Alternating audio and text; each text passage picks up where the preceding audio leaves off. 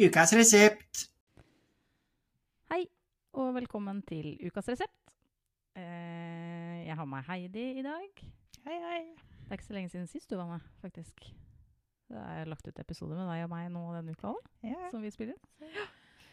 Eh, I dag så har vi en kur eh, for bestemmelse over egen kropp. Det er vel tøyd Begrepet er tøyd ganske Eller er ikke like bøker, i hvert fall. Eh, Jeg har nok tøyd det veldig med hva slags bok jeg har valgt. Men eh,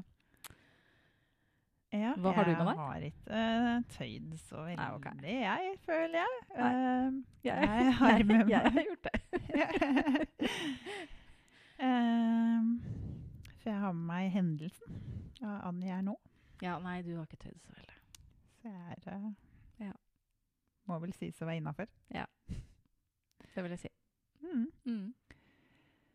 Eh, nei, det Jeg føler det har vært så mye prat rundt her nå i det Veldig. siste. Eller så er det bare jeg som Nei, jeg syns det har vært det veldig, veldig mye. Og det kommer jo en Enten kommer eller har kommet en ny bok akkurat nå òg. Så um, jeg tenkte jeg fikk prøve meg, da. Ja. Så det er derfor egentlig jeg endte opp med hendelsen. Mm. Mhm. Um, den er jo um, sjølbiografisk roman, hvor hun skildrer um, sin egen abort i, fra 1963. Eh, og på den tida var det jo forbudt med abort i Frankrike. Eh, men allikevel så var det ikke noe alternativ å bære fram barnet da, for henne. Nei. Eh, så etter først å ha prøvd eh, på egen hånd med strikkepinner, så fant jeg ei klok kone i en annen by. Eh, og det holdt på å gå veldig galt. Eh, så vi endte på sjukehus med livstruende blødninger. Mhm. Så det er eh, Ja, da skriver der, så er det vel 40 år siden cirka, da. Eh, hvor jeg gransker dagbøker og minner og prøver å huske glemte detaljer for å skrive om det her. Um, så hun skriver litt om eh, ja, egentlig kvinners seksuelle frigjøring, lidenskapens kraft. eh, og skildrer hvordan den eh, ufrivillige graviditeten ga plass nederst på rangstigen i samfunnet. Eh, rett og slett. Hun skriver eh, En plass i boka så skriver jeg at eh, hvis jeg skulle fremstille denne hendelsen i livet mitt ved hjelp av et maleri, så ville jeg ha malt et lite Respatex-bol inntil en vegg, og på den ville jeg plassert et emaljert vaskefat med et rødt kateter. En hårbørste litt til høyre. Jeg tror ikke det fins noe maleri med tittel 'Den kloke kones arbeidsrom' på noen av verdens museer. Nei. Det Men det sånn- sitter jo tydeligvis helt som spikra i, uh, i hukommelsene. Ja. Um, så det er, eh, det er ganske sterkt, det jeg skriver. Det er, noe av det er veldig detaljert. Um, den eh, beskrivelsen, f.eks., av fosteret uh, var svei i magen uh, å lese. Ja. Eh, samtidig så er det jo interessant, da. Eh, ja, og det mest Altså ka, Dette skulle man jo liksom tenkt at var historie i eh, vestlige land. Eh, men det er det jo ikke. Nei. Den ble jo plutselig jo eh, like aktuell igjen, på mm. en måte. Mm. Det er det, og samtidig sånn for meg, i hvert fall, så tenker du liksom at det her er jo 100 år siden når du leser, men 1963, det er jo ikke egentlig. Nei, men nå, det er jo ikke noe som tilsier at ikke akkurat det samme kommer til å skje nå i USA, f.eks. Nei, For eh, Det, det vil alltid være noen som er i en situasjon som ikke, som ikke har mulighet til å få et barn. Ja. så Men um, det var òg liksom like mye som Det var sterke skildringer av sjølve aborten og graviditeten, liksom. Men uh, det var òg sterkt å lese sånn åssen hun ble behandla, da. Ja. Eh, hun forteller blant annet om eh, Da hun var på sykehuset, så var det en turnuslege der som behandla skikkelig dårlig da hun skulle opereres etter aborten. Eh, og dagen etterpå så kommer han inn eh, veldig sjenert og rødmer og eh, sånn. Og, og det er ikke pga. at han skammer seg over oppførselen sin. Eh, det er fordi han skammer seg over oppførselen, eller altså at han har oppført seg sånn mot en student ved Det humanistiske fakultet. For da har han funnet ut at det var det. Han hadde behandla rett og slett som en kassadame eller tekstilarbeider. ja, fordi det var utenkelig at noen med Ja. utdanning skulle komme i den situasjonen, liksom. Ja, Så det var liksom ikke sjølve oppførselen som var problemet. Nei. Det var mot hvem de eh, hadde gjort det, liksom. Ja. Ja. Fordi eh, hun ble virkelig sett ned på når du er i den situasjonen. Da. Eh, og liksom, ja, hun beskriver hvordan hun prøver å få hjelp. Da. Hun oppsøker en lege. Eh, og når du går til legen, sant, så kan du ikke fortelle med ord hva du vil. Nei. Eh, så hun tror at hun har fått fram budskapet sitt til legen Mm. eh, og får med seg noe hjem igjen. Eh, og finner etter hvert ut at det hun har fått med seg, det, det skal hjelpe til å forhindre spontanabort. Ja, OK. Så, Så det var Stikk det motsatt. motsatt. eh, og går tilbake flere ganger til denne legen der. Og eh, til slutt så vil han rett og slett ikke ha noe mer med å gjøre. Uh, Ja, det er litt som du sier, altså på 60-tallet, liksom. Ja. Men det var jo på en måte starten av sånn. kvinnefrigjøringa omtrent, da. Så, mm. Sånn, ja. Så jeg ble litt sånn eh, Ja, det var en sånn tankevekker. ja. Mm. Det var veldig bra, syns jeg, skrevet. Eh, litt sånn på Jeg vet ikke helt hva det er. eller Liksom, hun skriver på en måte Det er veldig sånn objektivt og eh, sånn. Samtidig som at det er jo veldig sterkt og detaljert ja. på samme tid. Jeg, ja, nå er jeg litt usikker på om jeg skulle si det, men for jeg har begynt, skjønner du, på den. Og jeg orka ikke å lese den. Eh, men det er mulig at det var at, For det varierer jo litt hva man orker å lese når, holdt jeg på å si. Sånn yeah. i forhold til kapasitet og sånn. Uh, og det var ikke for at jeg syntes det var for fælt, det var for at jeg likte det ikke, liksom. Nei, jeg, jeg likte den veldig bra. Altså, sånn, Ja, jeg tror jeg, jeg, tenker er jeg skal et- lese mer av, Ja. Ja, jeg har tenkt at jeg skulle prøvd meg igjen, altså. Um, at det kanskje bare var liksom at jeg orka ikke noe For det er jo ikke, det er jo ikke lett litteratur, vel? Nei, det er det ikke. Nei. Det er lit, lita bok, men eh, Og det er jo ikke alltid man orker sånne tunge tematikker. Det, ja. Så jeg tenkte jeg skulle prøve meg igjen. mm, Mm. Ja da. Men det er jo som alltid smak og behag òg. Ja, er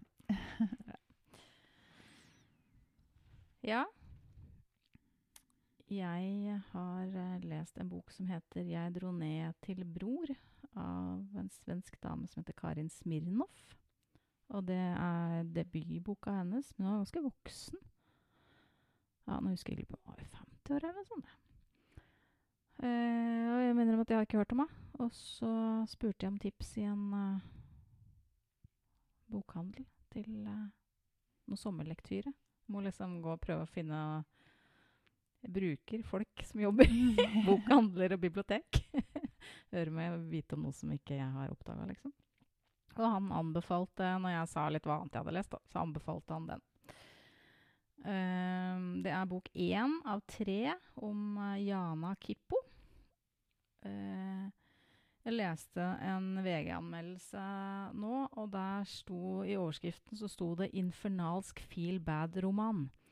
Det kan alltid bli verre, lyder mantraet til både Kompani Løvritsen og Karin Smirnovs antiheltinne Jana Kippo. Og det oppsummerer vel egentlig, for det kan alltid bli verre. Nå syns jeg Kompani Løvritsen er eh, Det er vel eh, søndagstur, eh, søndagstur kanskje i forhold. Der skal du ikke være inn i evigheten. Eh, hun ble nominert, Forfatteren ble nominert til Augustprisen for boka. Og den handler da om Jana Kippo, som er i midten av 30-åra, uh, som drar tilbake til barndomsstedet sitt for å redde tvillingbroren. Han har kjærlighetssorg og er i ferd med å drikke seg i hjel. Hun har ikke vært på hjemplassen, en bygd i Vesterbotten, eller sett mora si på over 20 år. Uh, og i starten så vet vi ikke noen ting om hvorfor det.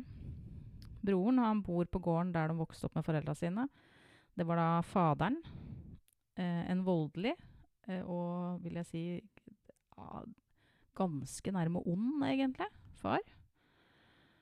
Eh, og han forgriper seg også på dattera si.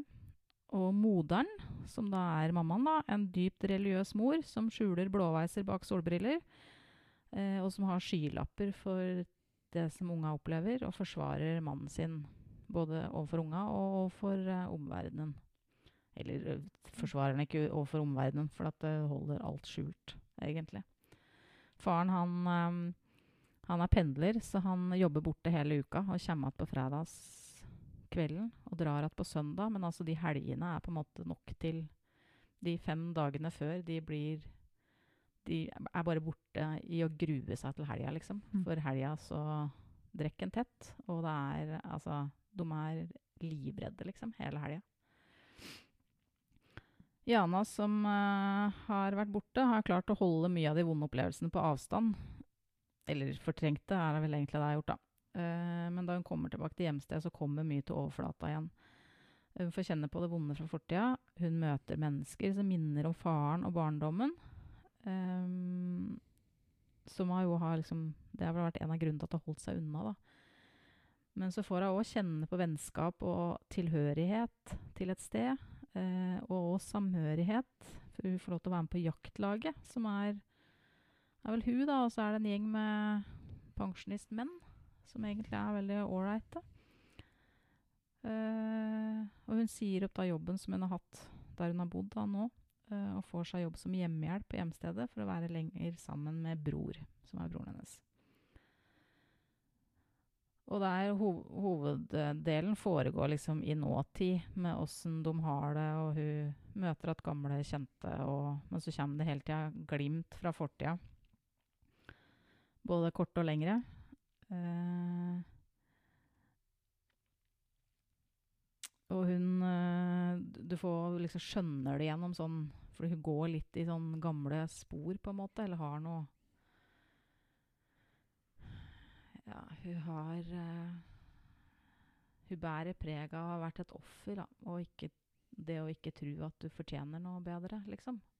Jeg tror ikke det er mm. bevisst at hun tror det engang. Jeg tror det bare er sånn det er, liksom. At mm. uh, um, Hun innleder bl.a. et forhold til en mann som er mye eldre enn henne, uh, og som ikke er snill, men de får et sånn derre Altså, hun blir helt avhengig, liksom.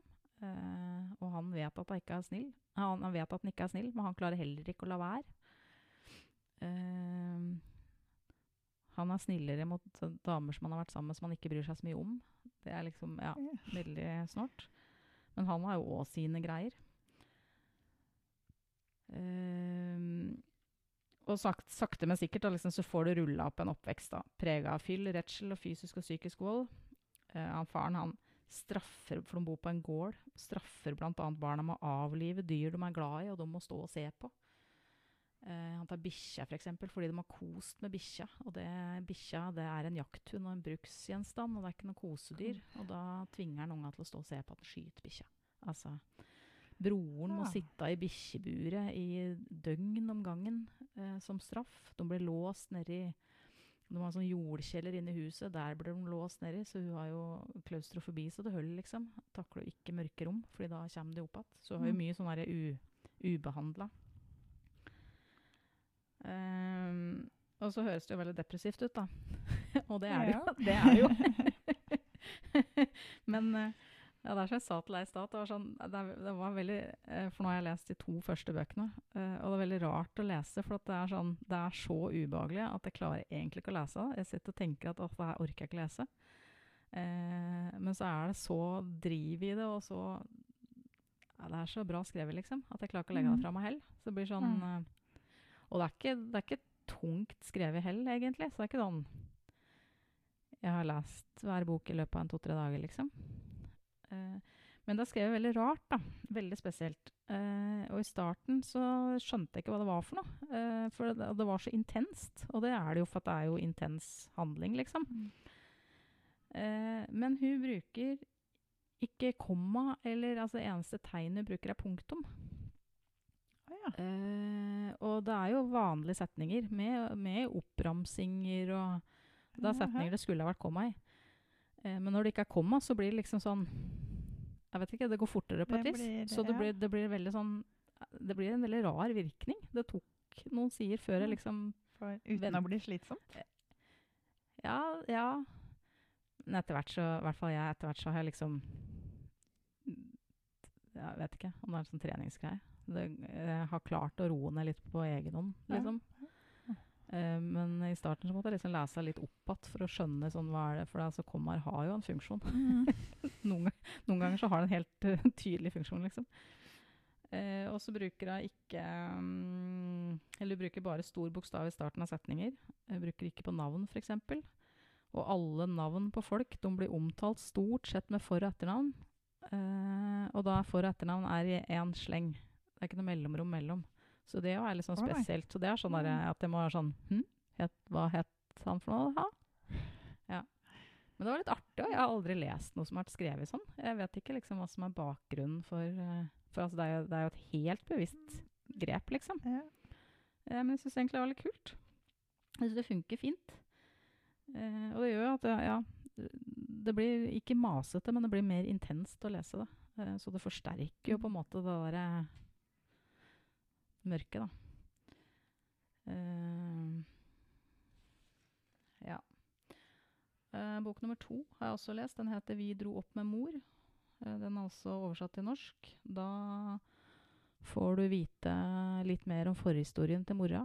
For det er klart at uh, foreldre er jo ikke bare foreldre. De er jo også mennesker og har hatt et liv før de fikk barn.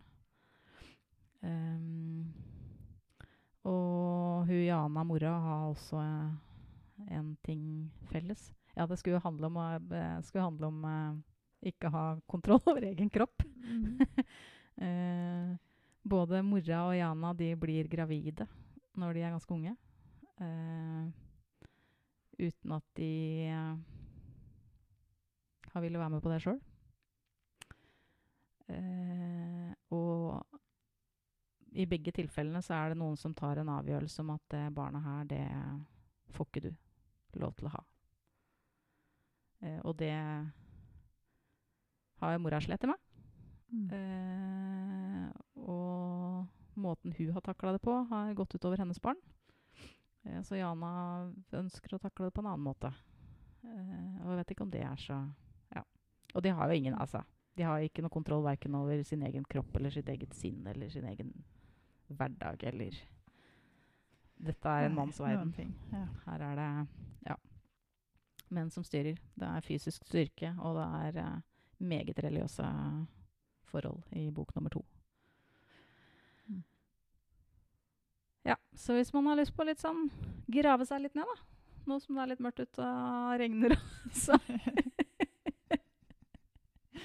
Så er det bare å slå seg løs. Yes. Du hadde med deg Hendelsen Annie er nå. Og jeg hadde med meg 'Jeg dro ned til bror' av Karin Smirnov. Og dette ble en lystig Nei, det blir aldri lystig. Det blir aldri lystig når jeg blir invitert. Ja, det er veldig sjelden det blir det med noen andre heller. Det er eh, det må være litt motstand i bøker, da. Det er ikke noe artig hvis det bare er uh, gøy. Nei. Livet er jo ikke bare gøy. Nei. Og så er det ja, Det er ikke så ofte jeg leser gøye bøker. Men jeg tror det er litt med at det, de fester seg ikke så godt. Nei. Helt muligens. Nei. Så liksom Ja, det har du nok rett i. Ja. Nei, vi håper noen fikk lyst til å lese noen av de, da. mm. Bare kom og låne. Eller ja, den jeg snakka om, den har vi ikke riktig ennå, men vi har den snart. Ja, men din har vi. Er her. Ja. Mm. Og flere andre av hu. Vi Ja. har Vi har flere. mm. OK. Takk for at du kom, Heidi. Bare hyggelig. Og takk for at dere hørte på. Ha det bra.